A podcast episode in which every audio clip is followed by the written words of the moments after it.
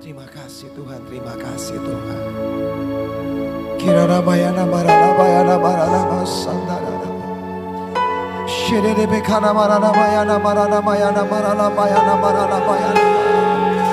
Kira ramayana maralama sandarana. Yana maralama şikara maralama şerere kana maralabayana. Hallelujah, yana ramayana şikara maralabayana.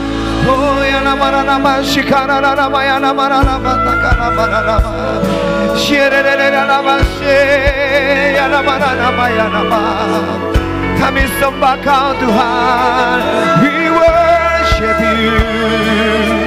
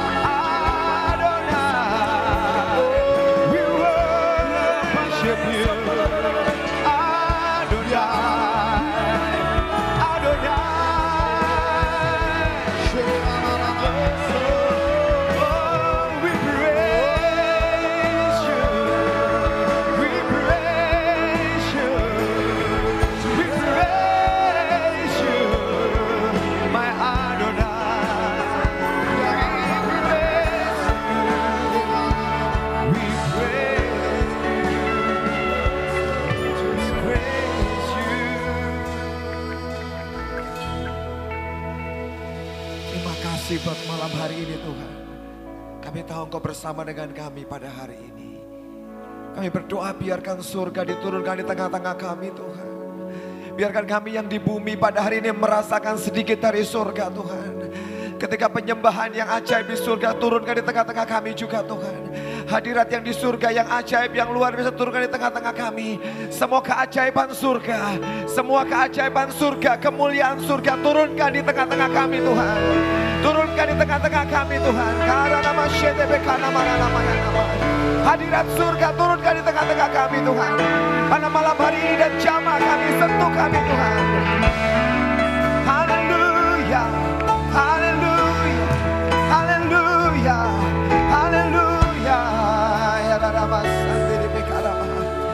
Jamaah sentuh setiap kami pada malam hari ini. Dan malam hari ini kau berbicara kepada kami dari hatimu Tuhan. Sampaikan pesan firman-Mu. Dan bawa kami umat-Mu makin kuat berjalan bersama dengan Engkau. Roh hikmat, wahyu, pengertian yang dari Tuhan untuk mengenal Tuhan dengan lebih dalam diberikan buat kami pada malam hari ini. Terima kasih Bapak yang baik. Roh Kudus yang menolong kami mengerti firman-Mu pada hari ini. Terima kasih Tuhan yang baik. Di dalam nama Tuhan Yesus kami berdoa. Dan semua yang percaya sama-sama katakan amin, amin. Silakan duduk Bapak Ibu sekalian. Shalom semuanya, selamat malam semuanya. Dalam empat minggu ini saya tahu saudara menerima begitu banyak berkat rohani. Dan ditutup minggu lalu tanggal 25 saya juga hadir di tempat ini. Saudara mendapatkan semua yang dijanjikan Tuhan. Dan hari itu adalah hari pengurapan kita semua terima sesuatu yang baru dari Tuhan. Saudara diberikan jubah Yusuf yang berwarna-warni yang indah itu. Saudara menerima tiga urapan. Urapan dari Yehuda, urapan dari Isakar, dari Sebulon diberikan buat kita. Membuat kita punya kemampuan sebagai raja-raja, mempunyai kemampuan melihat dengan tajam, mempunyai kemampuan untuk melakukan bisnis kita, pekerjaan kita dengan sangat luar biasa. Semua diberikan buat kita dalam empat minggu ini saudara. Setelah menerima semua itu, apa yang kita mesti kerjakan saudara? Apakah oh sudah selesai, cukup dan kami ini sangat puas menerima semuanya? Belum saudara. Kalau saudara diberikan semua perlengkapan itu, ada sebuah tugas besar yang sedang Tuhan mau ingin berikan dalam hidup saudara. Bu Nani dapat ini adalah putaran terakhir atau ronde terakhir. Di putaran yang terakhir ini, dia memberikan kita semua persiapan yang sangat luar biasa itu. Supaya kita bisa memukul dengan sangat kuat. Amin. Supaya kita mengadakan pukulan yang sangat kuat. Juga kita mengadakan lari yang sangat cepat di ronde yang terakhir. Di putaran terakhir ini. Supaya kita semua selesai dengan finish well dan finish strong. Selesai dengan kemenangan yang besar, yang ajaib. Dan kemenangan yang kuat yang dari Tuhan. Tapi saudara setan sering kali memberikan tipuan-tipuan dalam hidup kita. Yang berkata, engkau sudah terima, sudah cukup. Semua sudah terima, selesai. Kita merasa sebuah kepuasan dalam hati kita dan berkata, aku terima kok semuanya. Aku dapat minyak yang ajaib, yang luar biasa. Dan hatimu sudah puas, berhenti sampai di situ.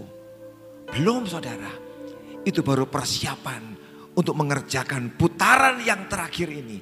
Dia berikan kita perlengkapan. Seperti seorang yang akan mendaki gunung. Kalau di sini ada orang yang pernah mendaki gunung atau seorang pendaki. Ketika seorang akan mendaki gunung-gunung yang tinggi. Bukan gunung yang pendek saudara. Yang tinggi-tinggi. Seperti mungkin Mount Everest. Mungkin ada apa namanya yang di Eropa itu di Rusia. Mungkin gunung yang ada di Jaya Wijaya. Di Irian Jaya. Yang tinggi-tinggi yang bersalju. Semua gunung-gunung itu perlu persiapan untuk naik ke atasnya. Saudara berkata, aku ingin naik ke gunungnya Tuhan. Mengalami semua di puncak-puncak gunung yang hebat.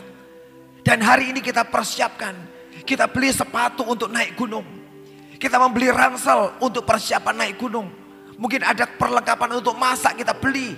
Kita akan beli jaket buat naik gunung. Celana untuk naik gunung. Topi naik gunung. Semua tali pengaman untuk naik gunung. Kita beli semua persiapan itu saudara. Setelah semua selesai, kita puas dan berkata, aku sudah punya semua. Tapi kau tidak pernah naik gunung itu. Maka semua barang-barang yang kau punya itu saudara, tidak ada gunanya. Sebab semua barang yang kau beli itu adalah perlengkapan naik gunung. Kalau kau tidak pernah menaiki gunung itu, tidak ada gunanya. Sampai engkau naiki gunung itu saudara. Dan di puncak itu kau melihat pemandangan yang ajaib, yang luar biasa Engkau melihat mungkin matahari yang terbit di waktu pagi. Engkau melihat semua yang indah. Yang ketika ada di bawah semua tidak kelihatan. Hanya bisa dilihat kalau engkau di atas puncak gunung itu. Tapi kalau cuma punya perlengkapannya. Tapi kau nggak pernah mau naik ke gunung itu. Semua perlengkapan yang kau beli sia-sia saudara. Tidak ada gunanya. Sampai perlengkapan itu dipakai buat naik gunung. Tapi saya tahu untuk naik gunung itu susah saudara. Untuk saya ngos-ngosan naik gunung. Sebab pendakian yang sukar. Kadang-kadang ada sebuah dingin cuaca udara yang sangat dingin sekali. Ada angin yang kencang sekali di gunung. Rasanya malas lah. Tapi tidak ada pilihan saudara. Setiap kita sudah diberikan perlengkapannya. Jangan simpan perlengkapan dan urapan itu saudara. Engkau mesti pakai Sampai kau menaik gunung itu saudara. Sekalipun sedikit capek dan ngos-ngosan. Mungkin sedikit kedinginan. Tapi jalan terus, jalan terus. Sampai kau mencapai puncak. Amin. Jadi hari ini setiap kita sama-sama kita naik ke gunung itu. Sebab perlengkapan sudah diberikan minggu lalu. Harusnya kita sudah mulai jalan untuk menaiki gunung itu. Sampai kita ada di atas. Hari ini kita akan sama-sama belajar firman Tuhan dari Matius pasal yang ke-25. Matius pasal yang ke-25 ayat 14 sampai dengan ayat yang ke-18. Ini adalah firman yang disampaikan Tuhan Yesus ketika dia bicara tentang putaran yang terakhir. Sebab sebentar lagi dia akan datang. Sebelum dia datang dia pernah berkhotbah, dia mengajar sangat hebat tentang hari kedatangannya. Itulah hari putaran terakhir Sebab setelah dia datang selesai semuanya. Kita mau ikuti putaran yang terakhir ini dengan sangat kuat.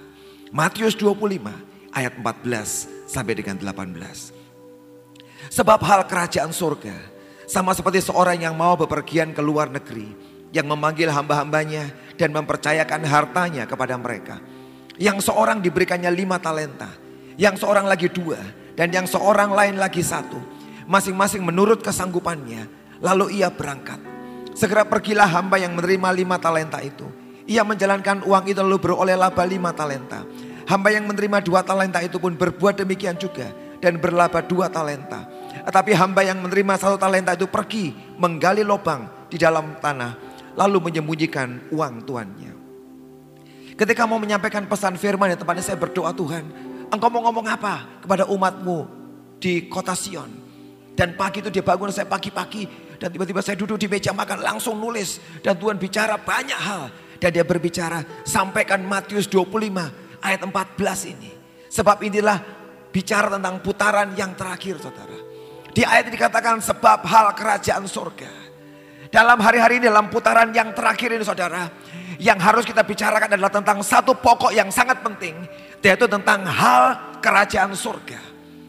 Tuhan sedang hari ini sedang punya bisnis, sedang punya urusan, sedang punya pekerjaan tentang kerajaannya saudara. Bukan kerajaan kita, bukan masalah kita, bukan kepentingan kita. Tapi hari-hari ini dia sedang berbicara ini adalah hal kerajaan surga. Ketika bicara tentang hal kerajaan saudara. Itu bicara tentang sesuatu yang besar, yang ajaib, yang sangat luar biasa. Bisakah saudara ini menangkap dalam hatimu? Hari-hari ini kita sedang berbicara mengenai kerajaan. Sedang bicara mengenai kerajaan. Kalau hari ini saudara sedang bicara mengenai kerajaan, kita tahu ada raja yang bersama dengan kita. Amin.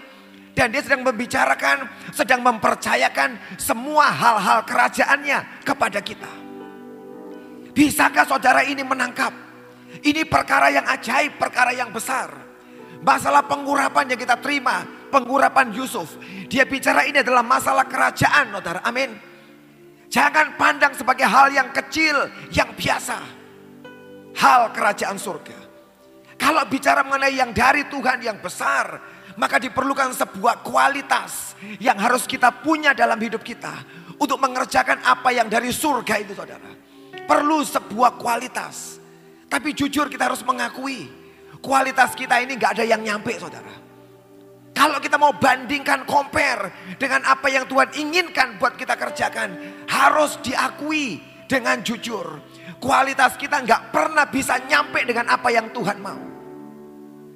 Tapi saya bersyukur ada seorang hamba Tuhan memberikan sebuah statement bagus. Dia berkata, God not choose the qualified, but he qualifies the call.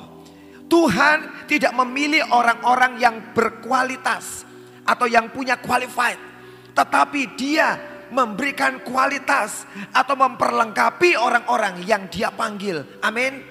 Kita semua tidak punya kualitas, tapi dia memperlengkapi kita.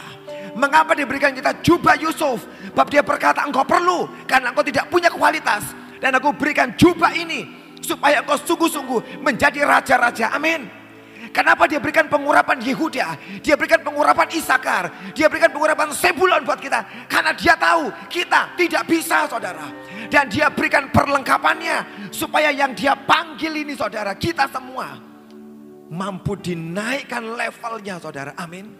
Jadi pengurapan itu saudara, jubah itu menolong setiap kita untuk dinaikkan kekuatan kita, kemampuan kita, kapasitas kita, level kita menjadi lebih kuat. Sebab dia ngomong, ini masalah kerajaanku, masalah kerajaanku. Kalau engkau bisa menangkap betapa pentingnya hal ini saudara. Engkau mau terima itu dan kita sedang sungguh-sungguh sangat serius pada hari ini untuk menerima apa yang dia berikan di dalam kehidupan kita. Setelah dia ngomong ini hal kerajaan. Dikatakan dia seperti seorang yang mau pergi ke luar negeri. Dan dia panggil hamba-hambanya. Dan percayakan hartanya kepada mereka. Pimpinan itu, bos itu, tuan itu satu kali. Dia mau pergi. Dan dia panggil hamba-hambanya saudara. Saudara pikir dia cuma punya hamba tiga? Tidak saudara. Tuhan ini Tuhan yang punya begitu banyak hamba. Bisa ratusan hambanya. Tapi dari yang ratusan itu saudara. Dia cuma panggil tiga. Dia panggil tiga. Kalau hari ini saudara dan saya. Dari ratusan bahkan ribuan. Dia panggil kita. Artinya dia mau percayakan sesuatu buat kita. Amin. Sadarkah saudara? Kalau engkau ada pada hari ini dalam kelompok ini, engkau sedang dipanggil oleh Tuhanmu. Untuk apa saudara? untuk dia percayakan sesuatu. Kita adalah orang-orang yang dipilih saudara. Kita ini orang-orang dipilih oleh Tuhan. Dari sekian ribu, sekian ratus mungkin orang. Kita yang terpilih. Tapi ada hal yang berbahaya dalam sebuah pilihan itu saudara. Sebab tidak selama-lamanya kita dipilih. Sebab kita ini bisa tergantikan. Kita ini bisa tergantikan. Kalau engkau tidak bisa mengerjakan apa yang Tuhanmu mau. Tiba-tiba dia bisa pilih yang lain. Menggantikan kedudukan kita. Itulah saat yang paling menyedihkan saudara. Kalau Tuhan itu berkata, engkau sudah tidak qualified lagi bersama dengan aku. Dan aku pilih yang lain, aku suka yang lain. Itu hal yang sangat menyedihkan. Sebab engkau didiskualifikasi, dikeluarkan dari pilihannya. Saul pernah didiskualifikasi oleh Tuhan. Dia dikeluarkan. Dia pernah dipilih. Tapi dia pernah didiskualifikasi. Dan digantikan oleh Daud. Kalau hari ini kita dipilih saudara. Biar pegang pilihan itu dengan sangat kuat. Supaya kita tetap bersama dengan dia. Dan tidak ada yang tergantikan. Bagaimana supaya kita tidak tergantikan saudara. Kita harus punya roh yang up to date yang selalu diperbarui saudara. Roh yang diperbarui selalu up to date. Setiap kali Tuhan mau, dia berhendak sesuatu, dia melihat kita siap sedia saudara, amin. Setiap kali dia cari orang-orang yang dia mau pakai, dia menemui aku orangnya Tuhan. Ini kami Tuhan, hineni, here I am, ini aku Tuhan. Kalau setiap kali kita up to date hidup kita bersama dengan Tuhan, kita tidak akan pernah dibuang, diskualifikasi saudara. Tapi banyak anak-anak Tuhan yang kondisinya seperti pribadi atau barang yang kadaluarsa.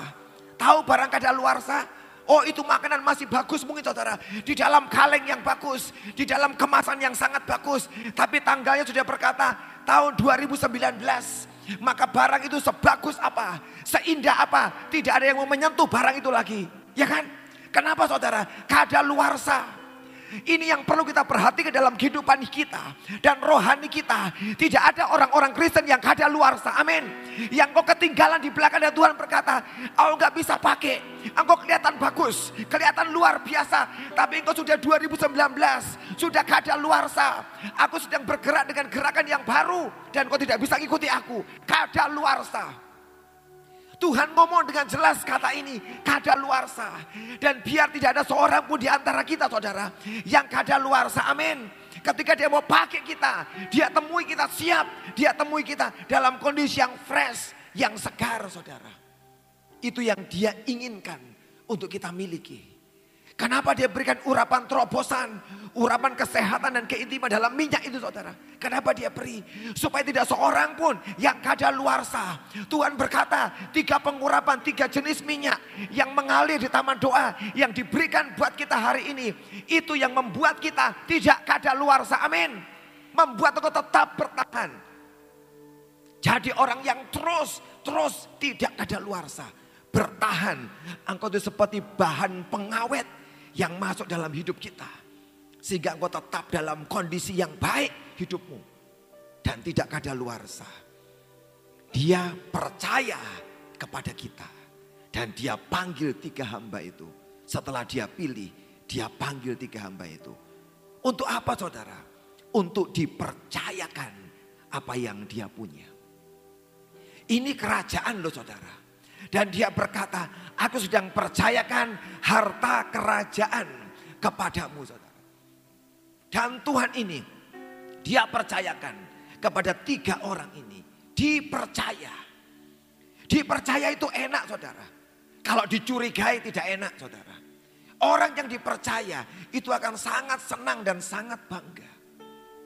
Tapi tahukah saudara, orang yang dipercaya adalah orang yang paling punya potensi besar untuk menjadi pengkhianat. Orang yang dipercaya adalah orang yang paling punya potensi paling besar untuk mengkhianati. Yudas dipercaya memegang kas dan bendahara Tuhan Yesus. Siapa yang mengambil uang, mencuri uang di bendara itu saudara? Yudas. Kenapa saudara? Sebab dia dipercaya. Detik dia dipercaya. Dialah orang yang paling punya kandidat kuat saudara. Untuk menjadi pengkhianat. Dan dia buktikan dia ambil uang itu. Dia curi. Petrus tidak bisa ambil uang itu. Sebab dia bukan pemegang bendahara Tuhan Yesus. Tapi yang dipercaya. Orang itulah yang berbahaya. Yudas jadi lingkar pertama Tuhan Yesus. Ke mana pun Tuhan Yesus pergi 12 murid menyertai dia. Tapi orang yang dekat ini yang dipercaya menjadi muridnya. Justru orang yang samalah yang paling tahu di mana Yesus berdoa. Dan dia jual Yesus di Taman Getsemani. Dia tahu di sini tempat dia berdoa. Dan dia bawa tentara Romawi. Dan orang-orang Yahudi menangkap Yesus di Getsemani. Sebab dia tahu karena dia dipercaya. Dan dia menjadi pengkhianat Saudara kita berdoa dalam hidup kita ini diberikan roh kesetiaan. Amin. Diberi roh kesetiaan, bukan roh pengkhianat. Kalau hari ini kau dipercaya oleh Tuhan, berdoa Tuhan, jagai kami. Biar pengurapan yang diberikan buat kami, menjaga kami. Tidak satu pun punya roh pengkhianat di hati kita. Yang kita tinggalkan dia, sebab dia sudah percaya kepada kita. Tidak ada orang meninggalkan dia. Tetapi kita ini setia, jalan bersama dengan dia. Tuhan kita Tuhan yang hebat saudara.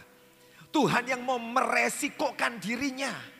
Kalau sampai dia percayakan harta kerajaannya kepada kita hari ini. Dia beresiko loh saudara. Sebab kita ini siapa? Bisa berkhianat, bisa berbuat jahat, bisa tidak setia. Bisa memakai buat kepentingan diri kita sendiri. Tapi kalau sampai dia mau memberi buat kita percaya. Dia sedang meresikukan pribadinya demi dia memberikan kepada kita. Dan hari itu Yudas jahat saudara. Jahat. Padahal Yesus sudah berani percayakan dirinya kepada Yudas sebagai murid saudara. Dia guru dan itu murid. Tapi terjadi pengkhianatan. Kepercayaan kita ini akan diuji dengan waktu dan keadaan. Kita ini semua akan diuji oh saudara. Kepercayaan kita yang Tuhan berikan kepercayaan akan diuji dengan waktu dan keadaan. Saya mengalami sekian tahun yang lalu, mungkin sekian belas tahun yang lalu. Di gereja yang lama saya dipercayakan banyak hal saudara. Saya nggak tahu kenapa Pak almarhum Abdul Agung percaya banyak hal. Yayasan diberikan saya, nama saya, Ketika beli gedung nama saya dimasukkan. Ketika apa saja saudara. Untuk jadi direktur radio ambil saham sekian dikasih. Semua dikasih begitu banyak saudara. Dikasih nama saya dimasukkan semua.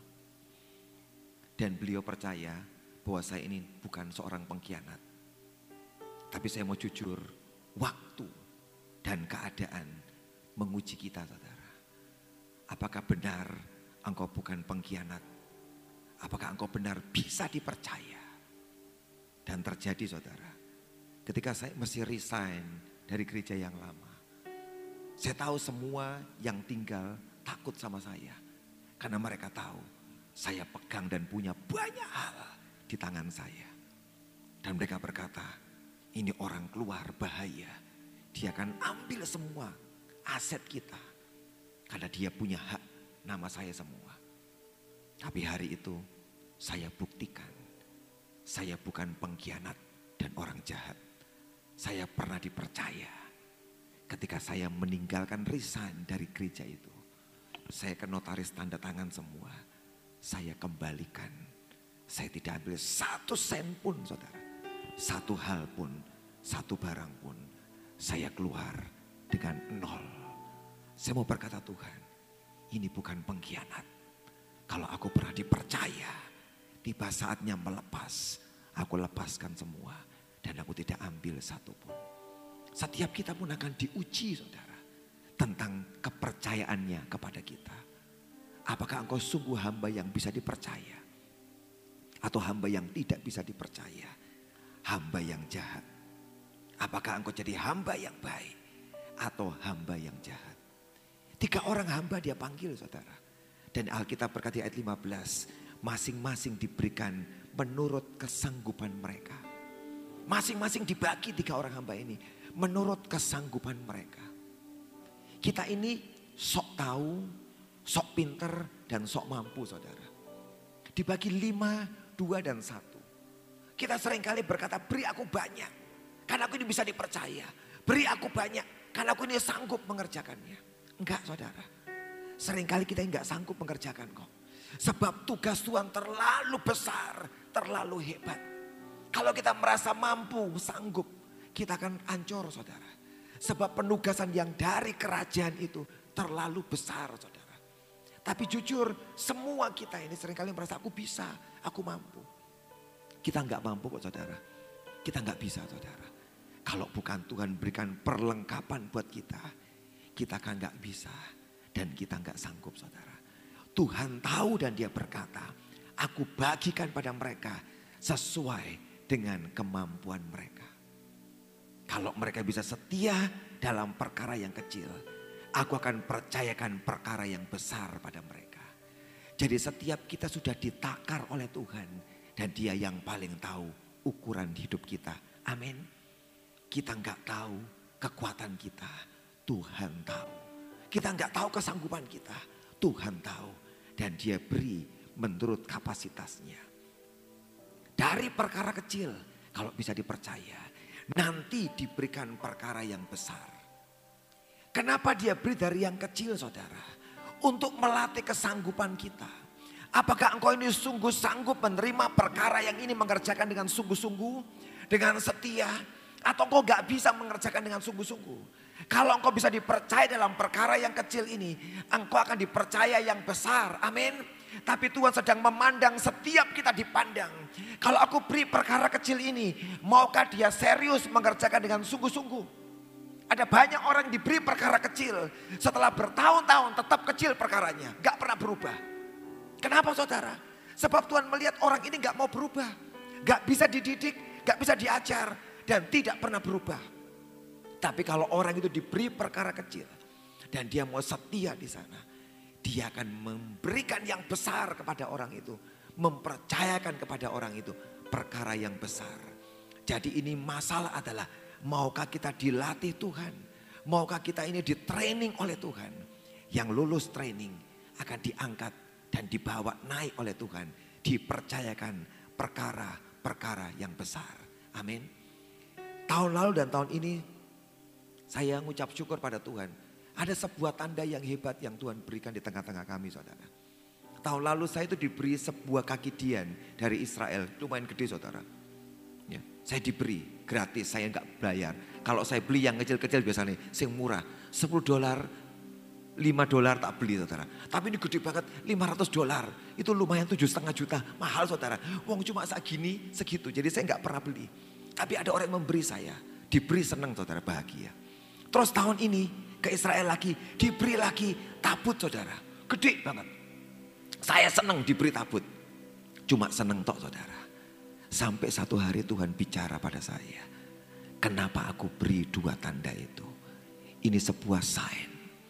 Setelah engkau ikut aku dan melayani aku empat tahun, tiga tahun di gereja yang baru ini.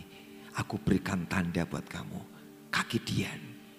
Aku mau berkata bahwa rohku tinggal di tengah-tengahmu. Karena itu lambang roh Tuhan, tujuh roh Tuhan, kaki Dian. Dan aku mau apiku ada di tengah-tengahmu. Tapi yang kedua, di tahun ini aku berikan kamu tabut perjanjian. Aku mau berkata, aku punya covenant perjanjian yang kuat dengan gerejamu. Setelah tiga tahun baru dia ngomong, dia beri tanda. Saya tahu dia tunggu saudara. Apakah engkau setia atau engkau jadi orang jahat? Dia tunggu. Ketika perkara kecil dia percayakan. Bisakah engkau dipercaya? Ketika bisa, dia beri sign dan tanda. Aku beri tanda. Aku yang beri kamu dengan dua tanda ini. Dua tanda profetik ini. Aku berkata aku punya perjanjian. Dan rohku tinggal di tengah-tengah kamu. Ketika dia bicara itu saudara. Saya berkata Tuhan ini barang hebat. Bukan cuma barang mahal. Tapi ini barang luar biasa. Sebab engkau yang memberikan buat kami. Sebagai sebuah tanda. Ketika bisa dipercaya dia berikan yang besar di tengah-tengah kita. Amin. Jadilah orang yang bisa dipercaya. Saudara ini ada yang aneh. Kalau saudara bisa jeli melihat cerita ini. Dalam cerita yang dikatakan Tuhan itu memberikan tiga jenis talenta. Yang pertama lima, dua, dan satu. Kok enggak satu, dua, dan tiga talenta saudara? Kok bisa lima, dua, satu? Atau harusnya lima, tiga, satu? Ya kan itu kan urut. Ini aneh loh, lima, dua, satu.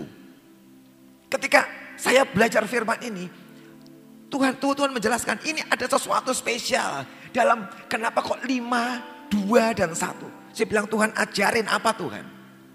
Kita akan sama-sama belajar. Dari yang pertama dulu, satu talenta saudara. Bagus tahun ini, nanti September ini saudara. Dalam kalender Yahudi akan pindah jadi P Aleph atau P Ehad itu adalah tahun 5781. Itu kata satu di belakangnya. P itu mulut saudara, satu. Jadi tahun nanti tahun pergantian tahun 18, 19, 20 September. Tuhan tuh mau ngomong saudara. Biar yang ngomong mulutnya cuma mulut Tuhan. Satu itu Tuhan. Satu Tuhan. Bagian kita satu juga unity dengan dia. Kita tidak usah banyak ngomong. Tidak usah punya pendapat. Tidak usah masukkan pendapat kita. P. Aleph. Mulut yang satu. Mulut yang ilahi. Yang Tuhan. Dan kita dengarkan dia saja. Amin. Satu lambang dari Tuhan. Unity. Oneness. Satu saudara. Dia berkata dia serahkan satu talenta saudara. Tuhan mau ngomong engkau tidak mampu mengerjakan talenta ini. Ini talenta terlalu besar dan terlalu mahal. Sekalipun cuma satu loh saudara. Dan dia berkata satu artinya unity. Kalau engkau terima satu talenta.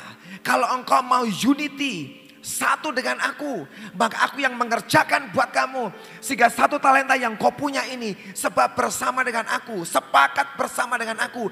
Nanti yang satu ini bisa menjadi dua Seharusnya, seharusnya rencana Tuhan yang sempurna buat hamba yang terima satu talenta. Dia berkata satu dengan aku, unity dengan aku. Nanti yang satu bisa menjadi dua. Karena aku yang bekerja menolong kamu. Menyelesaikan yang satu ini saudara. Itu kata yang pertama saudara. Satu talenta. Kalau kita mau sepakat dengan dia, satu dengan dia. Kita bisa berhasil. Kita bisa ini sukses. Kesatuan unity. Saudara, kesatuan dengan manusia itu sangat rapuh saudara. Jujur, kesatuan dengan manusia sangat rapuh. Dan kadang-kadang sangat berbahaya kalau engkau salah unity dengan seseorang. Hari minggu lalu saya khotbah. Kalau saudara streaming akan dengarkan. Tentang Ahab yang bersatu dengan Ben Hadad saudara. Hari itu Ahab dengar suara Nabi Tuhan. Dia taati semua Nabi Tuhan berkata. Dia kerjakan. Tapi ketika Ben Hadad, Raja Aram bicara juga saudara. Dia berkata, Ben Hadad sudah dikalahkan, ditaklukkan dan harusnya dibunuh saudara. Tapi Ben Hadad ini tiba-tiba ngomong, Ahab, aku akan kembalikan kota-kota yang pernah direbut bapakku waktu perang dengan kamu dulu. Semua kota yang aku rebut dari kamu tak kembaliin kepada orang-orang Israel. Dan yang kedua, kamu boleh membuat pasar di tempatku. Boleh bawa barangmu berdagang di tempatku. Di Damaskus, di Damsyik, boleh. Dan perkataan Ben Hadad ini memikat hati Ahab. Padahal Ahab sudah menang. Kalau dia menang harusnya dia berhak menaklukkan dan dia mengatur Ben Hadad. Dia bunuh dia dan dia bisa menguasai Damsyik. Dia bisa menguasai Aram. Tapi hari itu perkataan Ben Hadad yang begitu manis saudara. Merayu Ahab. Dan hari itu Ahab buat persepakatan dengan Ben Hadad saudara. Unity yang salah. Kalau seandainya Ahab yang pertama unity dengan Tuhan. Dia dengar kata nabi-nabi Tuhan. Dia mengalami dua kali kemenangan yang ajaib saudara. Tapi detik dia unity dengan yang salah dengan Ben Hadad. Ben Hadad artinya Ben itu anak Hadad, storm, dewa badai. Waktu bersatu dengan Ben Hadad, dewa badai itu saudara. Hari itu ada badai yang besar menghantam hidup Ahab saudara. Unity yang salah. Kalau engkau pengen unity saudara, satu dengan Tuhan, amin. Engkau akan bisa mengerjakan apa pun. Kalau Allah di pihak kita, siapakah menjadi lawan kita, amin. Kesatuan unity yang ajaib. Bisa mengembangkan semua talenta yang dalam hidup kita. Kalau bersatu dengan Tuhan. Dan dia berkata, aku serahkan satu talenta. Artinya Tuhan di sana menyertai kita. bisa mengembangkannya. Diberi dua talenta untuk hamba yang kedua saudara. Dua apa artinya? Pair, berpasangan saudara. Ingat Yesus pernah berkata, aku pakaikan kuk di pundakmu saudara. Supaya engkau dan aku bisa berjalan bersama. Dan bebanku pun ringan. Jadi kita berdua jalan bareng. Kata yang kedua, dua talenta dia mau ngomong. Kita jalan bareng, kamu dan aku bersama-sama. Kita jalan bareng mengerjakan talenta kerajaan ini. Kalau engkau mau bersama dengan aku, mendengarkan aku, sama-sama kerja sama. Kita bersama. Aku akan menghasilkan yang ajaib, yang luar biasa. Itu sebabnya kenapa dia katakan, aku beri kamu dua talenta. Di situ pun Tuhan hadir sebenarnya. Tuhan itu menolong hamba yang dapat dua talenta. Sebab dia berkata apa? Kita berpasangan kita pairing. Saudara tahu pairing? Saudara pernah ini HP terus ada speaker ya kan? Yang bluetooth saudara. Pencet tet tet nyalakan bluetoothnya dua-dua nyambung. Tiba-tiba lagu di sini bisa masuk ke speaker suaranya. Keluar di speaker itu. Itu namanya pairing Saudara sama dengan Tuhan. Kalau dua ini disatukan saudara. Akan menghasilkan satu eko, satu gema, satu suara yang besar, yang ajaib, yang luar biasa. Amin. Saat engkau dengan Tuhan. Kalau engkau mau inginkan Tuhan, engkau nyambung dalam hidupmu saudara. Berhubungan call, deep call, antu deep. Dua perhubungan. Saya percaya hidup saudara jadi speakernya Tuhan. Apa pun yang Tuhan ingin kerjakan dipakai lewat hidup saudara. Dimunculkan dengan ajaib. Amin. Ketika engkau mau berpasangan dengan Tuhan. Pairing Dua talenta dia berkata, kita berpasangan. Dan aku membuat menjadi besar, menjadi ajaib. Yang ketiga, lima talenta. Lima bicara tentang grace, power and strength. Anugerah, kekuatan dan kuasa. Dia berkata, kalau engkau aku beri lima talenta, artinya anugerahku cukup bagimu mengembangkan yang lima itu menjadi sepuluh. Di tiga jenis banyaknya talenta ini saudara. Tuhan mau berkata, aku percayakan kepadamu. Tapi aku tidak pernah tinggalkan kamu. Aku Tuhan tetap menyertai engkau. Amin. Di akhir zaman ini saudara, kerajaan itu sepertinya mungkin kita di dunia dan dia di surga. Tapi jangan pernah berpikir kita berpisah dengan dia. Amin. Dia selalu akan menyertai kita saudara. Dia akan menyertai kita. Kalau kita bisa unity satu dengan dia. Kita bisa berpasangan dengan dia. Kita mau terima anugerahnya maka kita sanggup menyelesaikan semua talenta apa pun yang dia beri dalam hidup kita. Sebab bukan kekuatan kita, tapi kekuatannya yang dia turunkan di dalam kehidupan kita. Amin. Jadi tidak ada alasan buat kita sebenarnya untuk gagal. Tidak ada alasan. Sebab yang dari Tuhan ini dimasukkan dalam hidup kita. Huruf lima grace atau kapes dalam bahasa Ibrani. Kata itu saudara huruf Ibrani adalah he atau hembusan Tuhan. Angka lima ini kalau dibahasakan dalam hurufnya adalah huruf H yaitu he.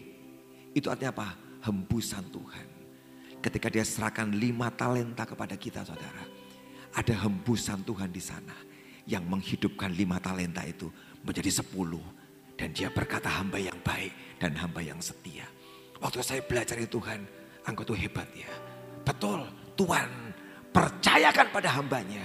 Tapi dia tidak meninggalkan kita, amin. Dia dampingi kita. Sampai yang satu jadi dua, yang dua jadi empat, yang lima jadi sepuluh, amin. Dia mendampingi kita. Selesai diberikan semua.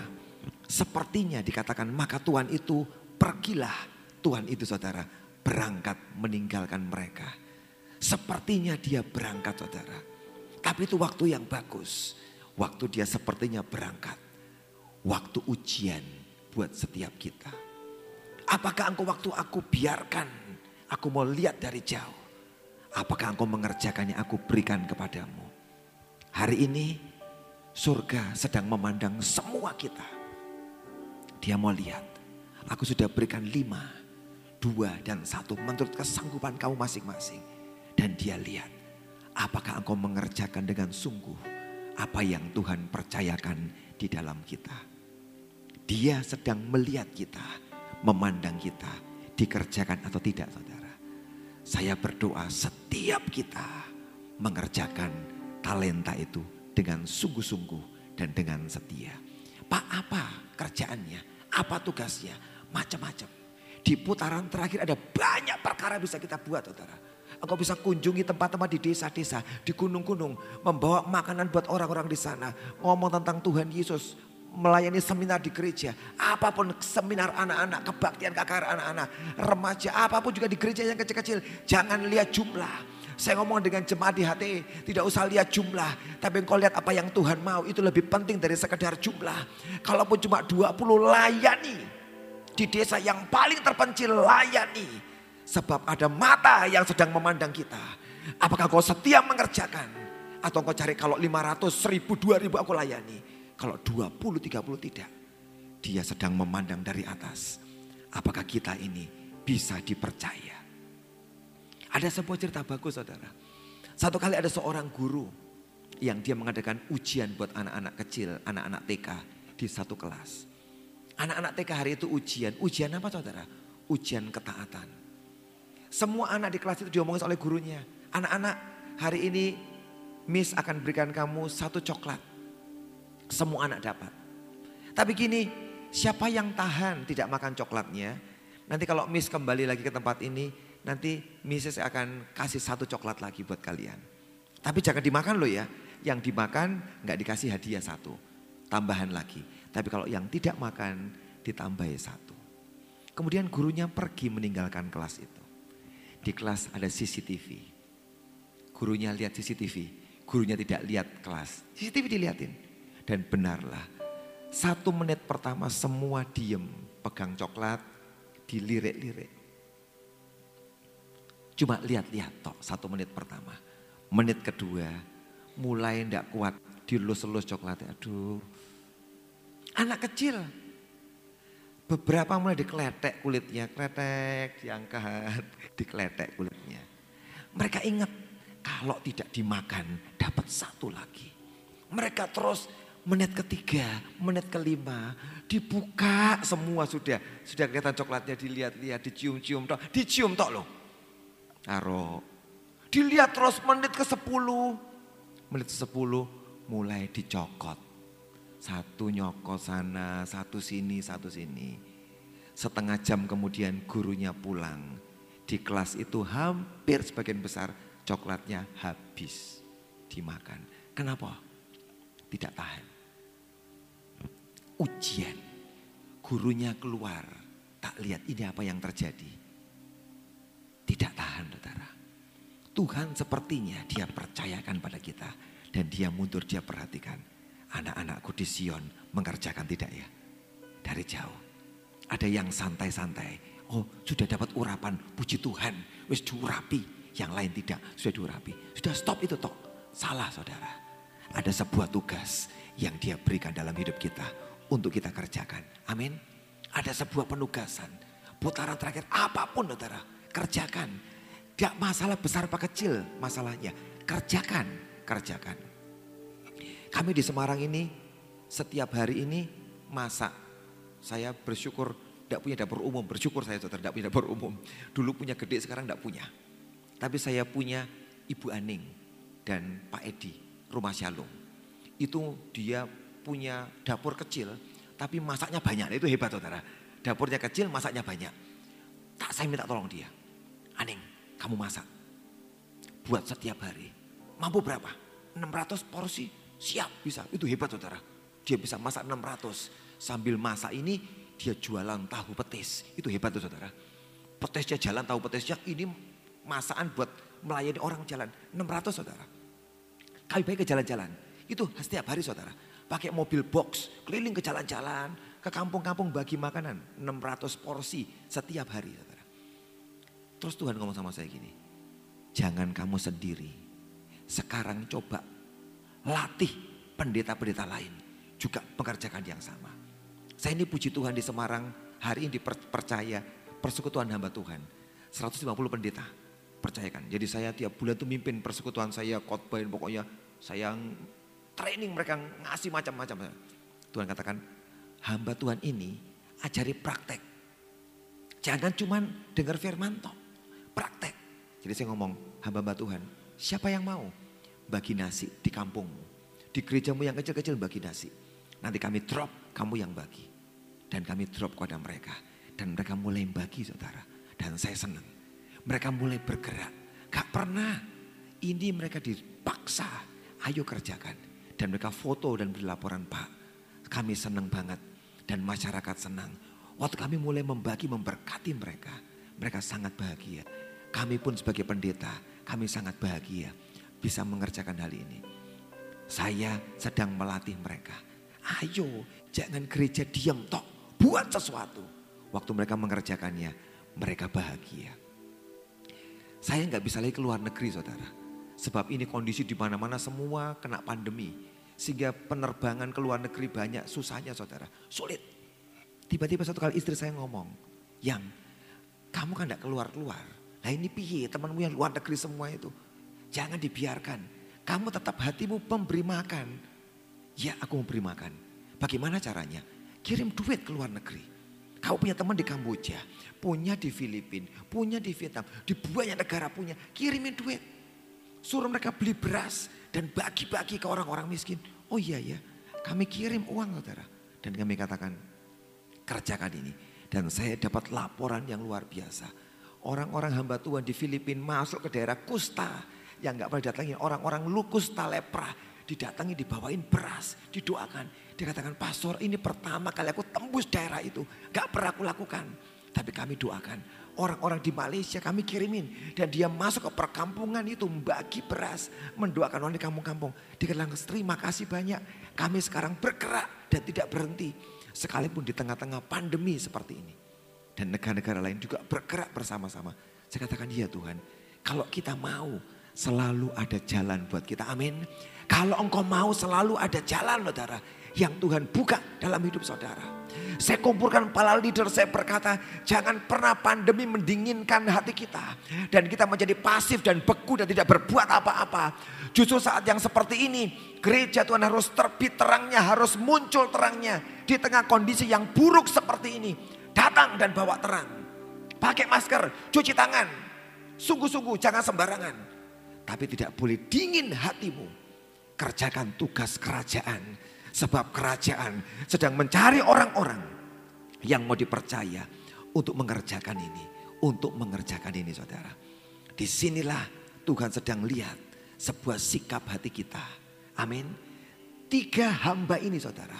Dipandang Tuhan, dilihat sikap hati mereka. Kalau mereka mau mengerjakan dengan serius, dengan sungguh-sungguh. Maka membuat mereka akan berkembang dan next level.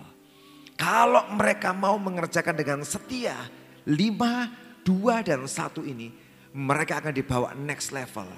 Dari hamba yang gak punya hak atas uang itu saudara, talenta itu. Satu kali mereka diangkat menjadi teman kongsi dagang. Rekan sekerja dari sang raja, sang tuan itu. Amin.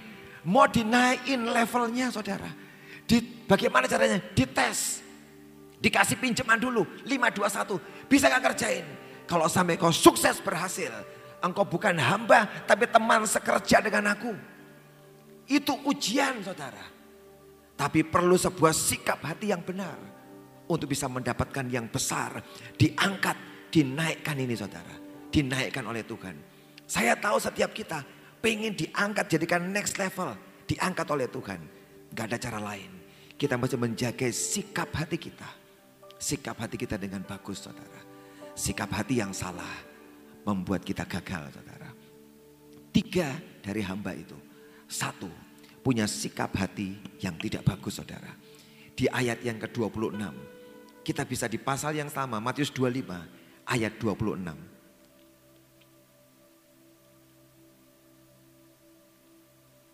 Maka jawab tuannya itu, hai kamu hamba yang jahat dan malas.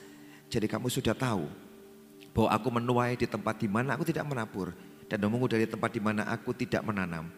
Karena sudahlah seharusnya uang itu kau berikan kepada orang yang menjalankan uang supaya sekembaliku aku menerimanya serta dengan bunganya. Orang yang dapat satu talenta ini punya sebuah sikap hati yang jahat. Alkitab berkata kamu jahat dan kamu malas. Itu sikap hatimu. Ini dua hal yang diomongin dengan jelas sini jahat, dan malas. Inilah yang jadi peringatan buat semua kita saudara. Jangan terjebak di dua kesalahan ini.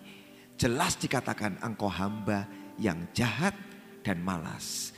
yang membuat semua yang dia punya diambil, jahat dan malas. Kita jangan malas saudara hari ini. Hari ini saya tuh maksa diri saya supaya tidak malas saudara. Betul. Saya ngomong sama teman-teman, ayo cari ke desa-desa. Buat seminar, buat apa? Aku datang. Saya tidak mau malas. Loh saudara, tinggal di Semarang nyaman, enak saudara. Tidak usah ke mana-mana wes enak. Tapi kalau saya berbuat seperti itu, saya sedang malas. Kalau saya tidak mau melakukan, saya jahat. Dan saya berkata Tuhan, jangan jadikan aku hamba yang jahat dan malas. Jadikan aku hamba yang baik dan hamba yang setia. Amin. Baik dan setia. Biar setiap kita jadi yang seperti itu. Tuhan itu ngomong di ayat yang ke-26. Hai kamu hamba yang jahat dan malas.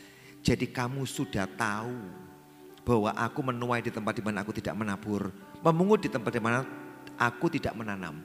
Kamu tahu, aku tuh pengennya apa? Kamu tahu. Lu saudara, hamba yang jatuh tahu enggak tuannya pengen apa? Tahu. Cuma dia jahat dan malas.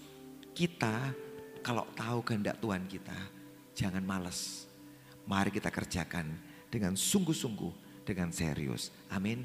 Jangan jadi hamba yang jahat dan jadi hamba yang malas. Kerjakan dengan sungguh-sungguh. Kalau dia temui kita setia, dia akan menambahkan hidup kita lagi dengan hal yang lebih lagi. Amin. Dia akan tambahkan lagi, ditambahi. Kalau kita baik, setia, baik dan setia, dia akan tambahi kita. Hari-hari ini kami alami mujizat di Semarang, saudara. Karena Hari ini kami lagi bangun gedung dengan tanah 2500 meter. Tidak gede saudara, cuma 2500. Pengennya ya gede saudara, tapi dapat 2500. Tapi kami ini bangun sekitar 3-4 tingkat saudara. Jadi kalau dihitung mungkin sekitar 8 ribuan atau hampir 9 ribu meter saudara. Total bangunannya nanti 4 tingkat. Rumah Shalom 3 tingkat, kemudian kantor kami 4 tingkat, sekolah empat tingkat. Mulai bangun Januari saudara. Nah itu Januari mulai beli tanah, Maret mulai start. Startnya bareng Corona saudara. Semua teman-teman berkata, Pak ini repot loh kita ini. Kita ini biaya buat per bulan ini gede loh. Nah ini kita bangun. Tapi saya tahu Tuhan nyuruh saudara. Bangun untuk rumah shalom. Karena mereka ini kontraknya habis bentar lagi. Ayo dibangun, tolong mereka. Saya bilang Tuhan duitnya tidak seberapa loh. Tapi saya bersyukur di tengah-tengah pandemi seperti ini dipercaya untuk bangun. Saya bilang jangan takut. Tuhan yang nyuruh. Ini bisnis kerajaan, bukan bisnis kita. Kalau dia yang nyuruh, mosok tidak bisa cukup itu. Nggak saudara, memang tidak gampang untuk percaya itu loh saudara. Sebab biaya banyak. Kalau buka sekolah SMP dan SMA lagi saudara. Itu juga beasiswa bayar lagi. Guru digaji, biaya nambah lagi. Sementara gereja pray, libur saudara ya kan. Sekian bulan libur saudara. Ini bagaimana persembahan pasti kan tidak ada saudara ya kan. Pray gerejanya. Sedikit banget ini gimana. Sementara bangun uang tidak ada. Tapi sekali lagi saya berkata, eh ingat ini bisnis kerajaan Bukan kita yang berbisnis tuh ini kerajaan, urusan kerajaan, hal kerajaan. Jangan takut. Dan saya tuh kagum saudara. Dari bulan Maret bangun sampai sekarang ini loh bulan September. Saya ngeliat keajaiban demi keajaiban Tuhan buat saudara. Tidak ada kebaktian, libur loh saudara. Kami libur tiga bulan saudara. Tapi bagian bendahara kami ngomong. Pak Victor, ini laporannya. Saya tidak mau lihat yang lihat Pak Hengki dan istrinya. Saya tidak suka lihat laporan keuangan. Dilihat mereka. Dan dia berkata, Pak ini ajaib. Ajaib. Sebab persembahan tidak menurun. Di tengah tidak ada kebaktian dan pandemi. Persembahan tidak menurun. Ini kecenderungannya tambah naik Pak. Aneh saudara. Dan akhirnya pembangunan tetap jalan. Tanpa utang. Tanah lunas, Pembangunan dibayar terus, perlu berapa dimasukin terus uangnya. Saya bilang jangan takut. biarkan gedung ini jadi seperti janjinya unity dengan Tuhan. Biar dia yang ngomong, kita cuma sepakat dengan dia. Nanti selesai dengan ajaib. Amin. Saya ngomong jangan takut. Kalau kau mau sepakat dengan dia, dia selesaikan dengan cara yang luar biasa. Ketika dipercaya, jadi hamba yang baik dan setia. Kita nanti diangkat menjadi Yusuf-Yusuf yang hebat saudara. Yusuf itu dipercaya. Dan dia dipercaya dan dia bisa kerjakan tugasnya dengan ajaib, dengan cara yang luar biasa. Diberi jubah. Saya tahu setiap kita secara rohani dapat jubah Yusuf hari ini. Jubah yang membuat dia diangkat nanti menjadi orang besar. Tapi ingat saudara, perjalanan untuk jubah itu menjadi besar dan luar biasa. Jubah itu juga yang membuat Yusuf dilempar ke lubang sumur. Sebab iri saudaranya. Engkau nanti banyak yang iri. Kalau melihat engkau sukses berhasil. Jubah itu membuat engkau diangkat tinggi. Membuat banyak orang iri. Yang coba nyemplungin engkau ke sumur tak jatuhin aja. Jangan takut engkau tidak akan pernah jatuh di sumur kering itu. Amin saudara. Justru jubah itu yang akan mengangkat engkau jadi Perdana Menteri di Mesir. Jubah yang sama membuat Yusuf ada di rumah Potifar saudara. Dan menjadi budak di sana. Dan jubah yang sama yang membuat dia dalam penjara. Tapi tidak menghentikan dia. Amin. Justru semua perjalanan rohani itu yang mengangkat Yusuf sukses berhasil. Sebab dia diberikan jubah oleh ayahnya. Jubah rohani dan Tuhan juga memberikan jubah rohani buat Yusuf. Membuat orang itu sukses dan berhasil. Amin. Hari ini di putaran terakhir. Jadilah hamba yang baik dan setia. Amin. Kerjakan bagian kita dengan sungguh-sungguh. Saya percaya dia akan berikan kita lebih daripada yang bisa kita pikirkan. Amin. Lebih dari yang bisa kita pikirkan. Mari jadi orang-orang yang setia. Kerjakan tugas kita dengan baik. Tutup Alkitab saudara. Mari kita bangkit berdiri sama-sama hari ini. Terima kasih Tuhan, terima kasih Tuhan, terima kasih. Terima kasih Tuhan, terima kasih. Haleluya Tuhan, terima kasih.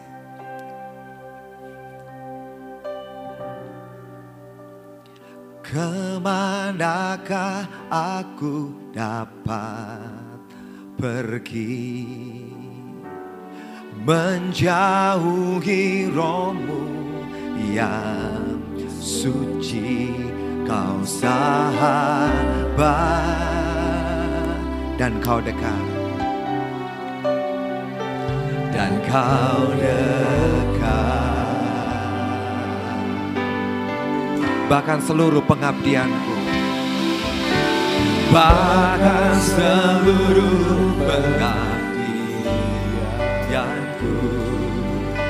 tak bisa membalas kesetiaanmu sungguh mulia dan berharga dan berharga. Sungguh besar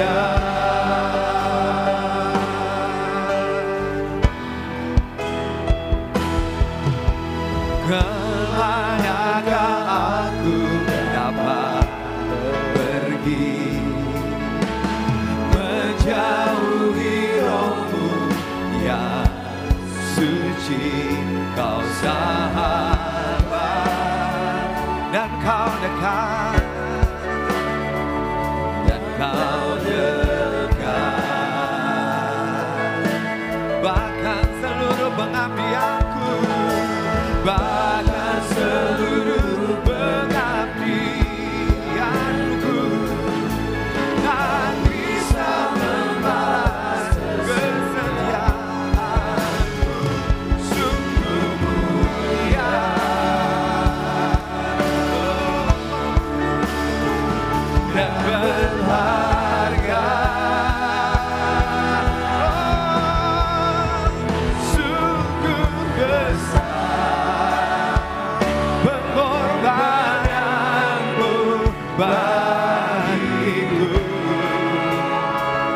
terlalu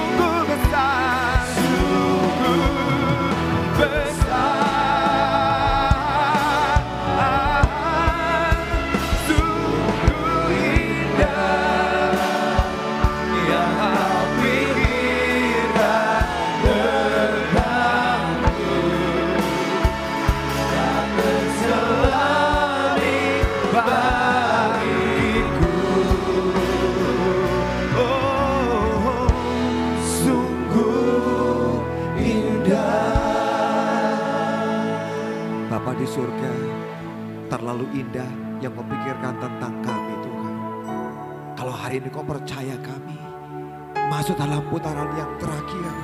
Kau percayakan semua talenta yang kau punya buat kami Tuhan. Karena kami tahu kau selalu berpikir yang positif tentang hidup kami Tuhan. Kau selalu berpikir yang baik tentang hidup kami Tuhan. Biar jadikan kami hamba-hamba yang bisa dipercaya oleh Tuhan. Jadikan kami hamba-hamba yang bisa dipercaya mengerjakan tugas yang akhiri dengan sangat kuat Tuhan. Kami berdoa biarkan setiap jubah pengurapan yang kau berikan buat kami. Memampukan kami mengerjakan dengan sangat kuat di putaran terakhir ini. Di ronde yang terakhir kami akan pukul dengan sangat kuat Tuhan. Kami kerjakan dengan serius. Karena hari ini kami sedang berada di dalam bisnis kerajaan surga. Kami sedang ada dalam bisnis kerajaan surga. Kami kerjakan dengan sungguh-sungguh Tuhan. Tolong setiap kami naikkan kemampuan kami, naikkan kesanggupan kami, naikkan level kami di dalam nama Yesus. Kami bisa mengerjakannya. Kami berdoa Tuhan, naikkan setiap kami level kami. Kami naik ke gunung itu Tuhan dalam nama Yesus. Kami ambil semua perlengkapan Tuhan. Kami akan terus naik ke gunung itu. Sampai kami naik ke gunung Sion.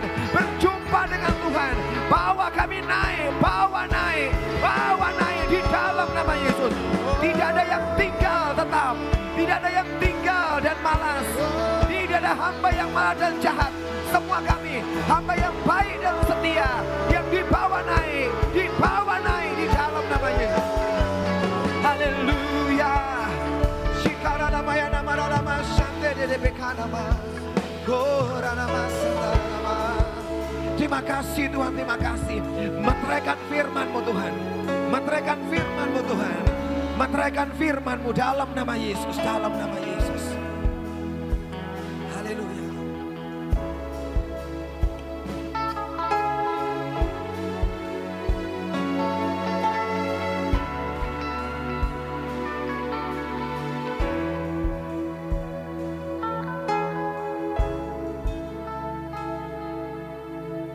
Silahkan duduk saudara.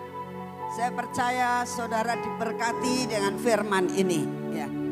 Karena benar-benar nyambung terus ya dengan apa yang kita terima minggu yang lalu. ya. saya sedang merenungkan dengan firman Tuhan tadi katakan, kenapa ya dikatakan tadi hamba yang dikasih satu itu dikatakan kamu tuh jahat. Sudah males jahat gitu. Sebenarnya tanpa kita sadari yang dimaksudkan Tuhan dengan jahat itu adalah dia tuh selalu nggak bisa puas dengan Tuhan. Ya. Selalu ngomong Tuhan itu tidak adil. Selalu dia ngomong bahwa Tuhan itu kenapa aku dikasih satu, yang lain dikasih dua, yang lain dikasih lima. Kok gak adil sih? Gitu. Katanya Tuhan itu adil. Tapi kok seperti ini? Ya. Saudara tanpa sadar, saudara itu kalau melihat orang lain, kenapa hidupku selalu susah? Gitu. Tuhan kenapa aku ngalami ini, ngalami ini, ngalami ini. Yang lain kok ngalami enak-enak aja. Saudara kalau saudara punya pikiran seperti itu bertobat loh sungguh. Itu termasuk kriteria jahat. Karena apa? Seolah-olah saudara itu lebih pintar dari Tuhan. Dan itu termasuk kesombongan yang terselubung. Orang kalau merasa lebih pintar dari Tuhan. Cepat bertobat saudara dalam putaran terakhir ini. Ya. Sungguh saya juga sering kali melakukan perkara-perkara yang tanpa saya sadari dan itu tidak menyenangkan hati Tuhan. Saya mau cerita sedikit ya, nyambung sedikit sekarang belum jam 8. Beberapa hari yang lalu tiba-tiba minyak itu tidak keluar. Saya mulai pikir kenapa ya, di mana letaknya salah saya ya. Nah, Ternyata saudara, saya itu biasanya habis PW di sini selalu ke taman dulu, duduk di bawah kaki Tuhan, nyembah Tuhan, ya, sembahyang, cerita-cerita sama Tuhan. Nah, kali itu karena saya itu mau beresin minyak-minyak yang mau dikirim. Jadi saya itu dari sini langsung masuk ke green room. Beresin. Ini nanti minyaknya ini ini ini ini yang mesti dikirim. Jadi saya ikut bantuin sampai siang, Saudara. Baru selesai itu baru saya ke taman. Waktu saya duduk di taman, Tuhan tuh ngomong gini, kok kamu sudah berubah sih? Saya berubah apa ya? Seringkali kita tuh nggak menyadari. Engkau lebih mementingkan perkara-perkara yang seperti yang kau lakukan daripada aku. Bedanya apa kamu tidak bisa seperti Maria tapi kamu seperti Marta. Aduh Tuhan. Saudara, gak sadar gitu loh. Bahwa yang seperti itu tuh Tuhan gak suka. Saya minta ampun terus, minta ampun Tuhan ampun. Terus minta ampun nih. Tetap seharian itu minyaknya gak keluar. Duh. Yang kedua, saya itu bilang sama anak-anak, saya sudah pulang, tuh ya minyaknya ini kan mau dikirim. Maksud saya tuh baik loh saudara. Minyak-minyak yang mau dikirim itu supaya tidak pecah. Pikir saya dibungkus, saya bilang gitu dibungkus pakai uh, itu apa namanya bubble, pakai bubble supaya nanti jangan sampai pecah gitu kan. Nanti ya benar-benar kamu lakukan ya mereka semua nanti yang pada datang-datang ke sini daripada pada nganggur suruh bantuin. Maksud saya kan baik. Selesai semuanya laporan. Mih ini sudah selesai semua. Mau ditaruh di mana? Saya mikir taruh di mana ya barang itu. Kalau ditaruh di sembarangan ya bukan ya saya sih gak ngomong mencuri ya. Siapa tahu ada yang ngambil gitu loh sayanya. Saya bilang taruhlah di Maligai saya gitu. Deket di, di Maligai situ. Ya sudah. Maksud saya kan baik. Saya taruh di Malike supaya sebab di Malike itu kan dipageri, nggak ada orang yang berani masuk. Maksud saya baik kan? Lalu saya besoknya kan datang ke Malike situ. Begitu saya masuk Tuhan ngomong, kamu mengotori tempat ini. Aduh, langsung itu dos saya keluarin loh. Ya, saya keluarin, hari itu minyak gak mau keluar. Tuhan gak suka. Kadang-kadang kita itu pengen melakukan sesuatu hal yang baik. Loh saya lakukan itu kan buat pekerjaan Tuhan. Buat ngirim orang-orang. Tapi kadang-kadang hal-hal yang menurut kita baik belum tentu itu menurut Tuhan baik. Saya minta ampun Tuhan, aku ini kok berkali-kali gak bisa pas di hatimu. Saudara itu saja Tuhan gak suka. Saya berdoa supaya saudara dan saya ini benar-benar bisa pas di hatinya Tuhan. Ya. Kalau ada yang dikasih lima, kasih dua, kasih satu, itu sudah diatur Tuhan. Karena Tuhan itu memberi sesuai dengan kemampuan saudara. Dan firman Tuhan katakan, aku tidak akan membiarkan kamu dicobai lebih dari kekuatan kamu. Jadi kalau lagi didik-didik ya sudahlah ucapkan syukur, lakukan pendidikan ini seperti Yusuf sampai selesai. Ya. Sungguh saya mendorong saudara dalam putaran terakhir ini. Ayo kita sama-sama ya. Benar-benar kita itu bisa meraba hatinya Tuhan. Jangan menyakitkan hati Tuhan dengan cara kita seperti kita lakukan sesuatu hal yang baik tapi belum tentu apa yang kita lakukan itu persis yang Tuhan mau. Ya. Amin. Ya. Yuk kita sama-sama saat ini karena ini adalah minggu pertama dari bulan ini kita akan masuk dalam perjamuan kudus. Saya mau tanya buat saudara yang sudah terima semuanya perjamuan kudus yang di atas asir sudah sudah dilayani asir Tolong Asyir.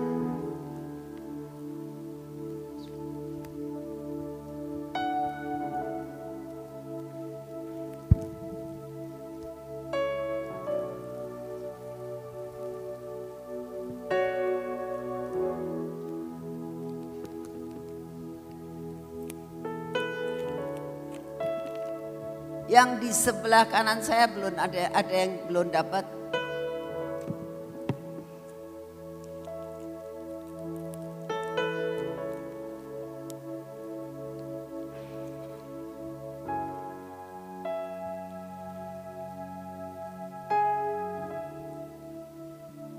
Sudah semua?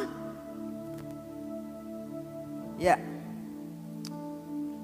Mari saudara, saya ajak saudara bangkit berdiri kita berdoa terlebih dahulu.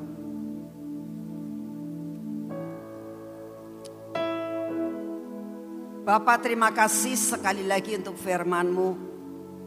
Terima kasih buat semua yang kau anugerahkan buat kami. Jadikan kami sebagai hamba yang setia. Ampuni dosa dan kesalahan kami Tuhan. Lepaskan kami daripada menjadi hamba yang jahat. Malas lagi Tuhan. Biarlah apa yang kau anugerahkan buat kami. Kami dapat perlipat kali gandakan. Kami dapat lari Tuhan. Tidak sekedar kami merasakan puas tapi seperti firmanmu yang kami dengar tadi. Semua perlengkapan naik gunung engkau sudah berikan. Tanpa kami bertindak untuk naik. Maka semuanya akan sia-sia. Beri kepada kami pengertian yang benar tentang hal ini Tuhan. Terima kasih Bapak, terima kasih Tuhan Yesus. Kami bersyukur untuk hari ini. Kami boleh mengingat akan apa yang sudah engkau kerjakan 2000 tahun lebih Tuhan Yesus. Engkau katakan aku melakukan kehendak Bapa. Sekalipun itu berat. Tapi engkau mau melakukan kehendak Bapa.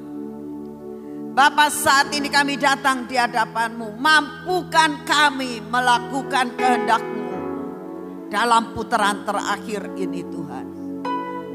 Mengikuti jejak daripada engkau ya Tuhan Yesus.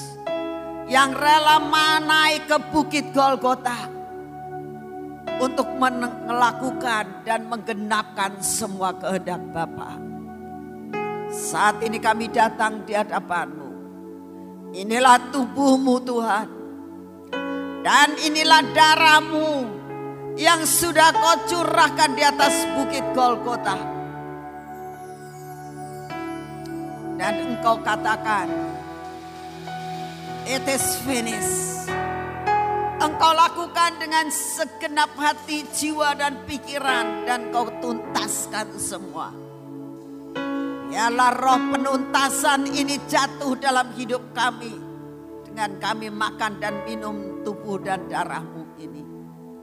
Kami tidak menganggap roti dan anggur ini sebagai roti biasa dan anggur biasa. Tapi kami tahu Tuhan, inilah tubuhmu dan inilah darahmu. Engkau sudah menuntaskan dan kami tahu saat kami makan dan minum, roh yang menuntaskan itu akan masuk dalam hidup kami. Dalam putaran terakhir ini engkau akan memberikan kepada kami kemampuan mencapai garis akhir. Terima kasih untuk semua. Dalam nama Tuhan Yesus, mari kita makan dan minum.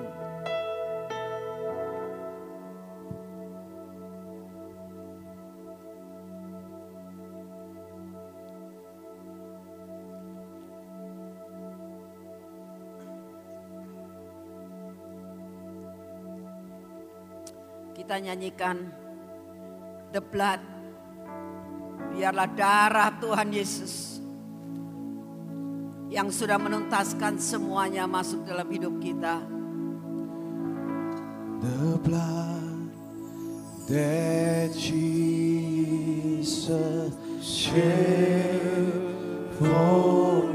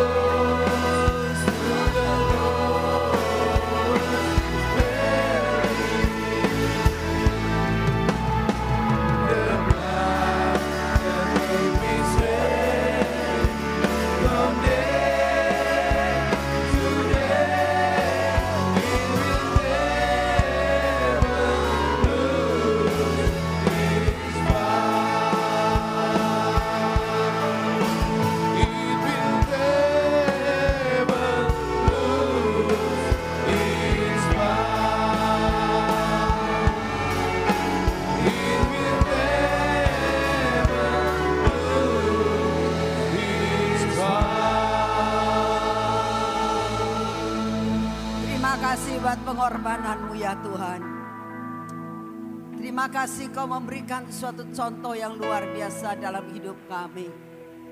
Buat kami mengikuti jejakmu Tuhan. Mencapai garis akhir dengan kuat. Terima kasih untuk anugerah dan kasih setiamu. Kami berdoa untuk Pak Victor Tuhan bersama dengan rekannya yang nanti sebentar juga akan kembali lagi. Kami menyerahkan semua perjalanannya ke dalam tanganmu. Anugerah dan berkatmu melimpah dalam hidupnya. Kami bersyukur untuk kasih setiamu. Terima kasih Tuhan Yesus. Kau berkati semua pembangunan yang saat ini sedang diselesaikan. Sampai selesai tanpa ada utang Tuhan. Kami berdoa pembangunan itu akan selesai dan tidak meninggalkan hutang. Semuanya bahkan berlebih, bahkan berlebih, bahkan berlebih. Kami percaya kau dengar doa kami pada malam ini. Terima kasih Bapak. Saat ini siapkan hati kami untuk memberi yang terbaik untukmu. Tuhan kami sudah dikau berkati luar biasa. Buat kami saat ini memberi yang terbaik untukmu. Kau bicara dengan kami Tuhan. Berapa yang kau mau beri, kami mau berikan untukmu. Kami tidak memberi kepada yang lain. Kami mau memberikan hanya untukmu. Karena engkaulah yang memberi hidup buat kami. Terima kasih Bapak. Kau kuduskan dan kau sucikan persembahan kami. Dalam nama Tuhan Yesus. Amin. Silakan saudara maju ke depan. Beri yang terbaik buat Tuhan. And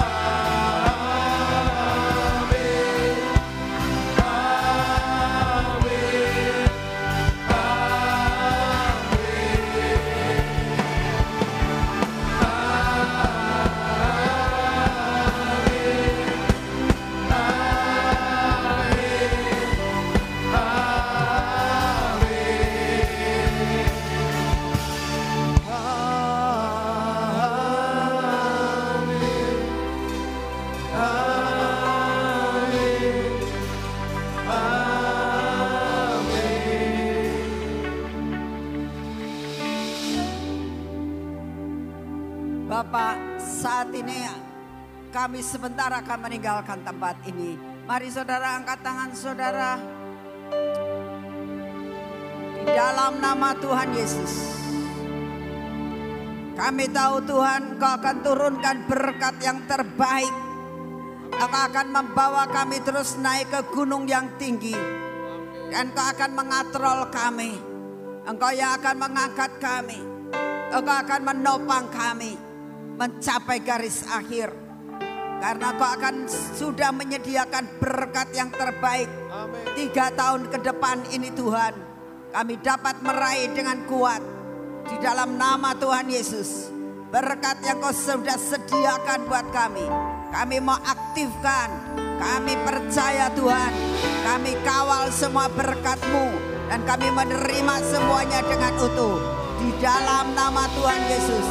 Kami sebentar meninggalkan tempat ini. Kami pulang ke rumah kami masing-masing. Kami tahu anugerah dan berkatmu melimpah atas hidup kami, keluarga kami, pekerjaan kami, pelayanan kami. Dari sekarang sampai engkau datang kembali. Dalam nama Tuhan Yesus. Kita katakan sama-sama. His favor Amen. be upon you and a thousand generations and your family and your children, and their children, and their children. May His presence go before you, and behind you, and beside you.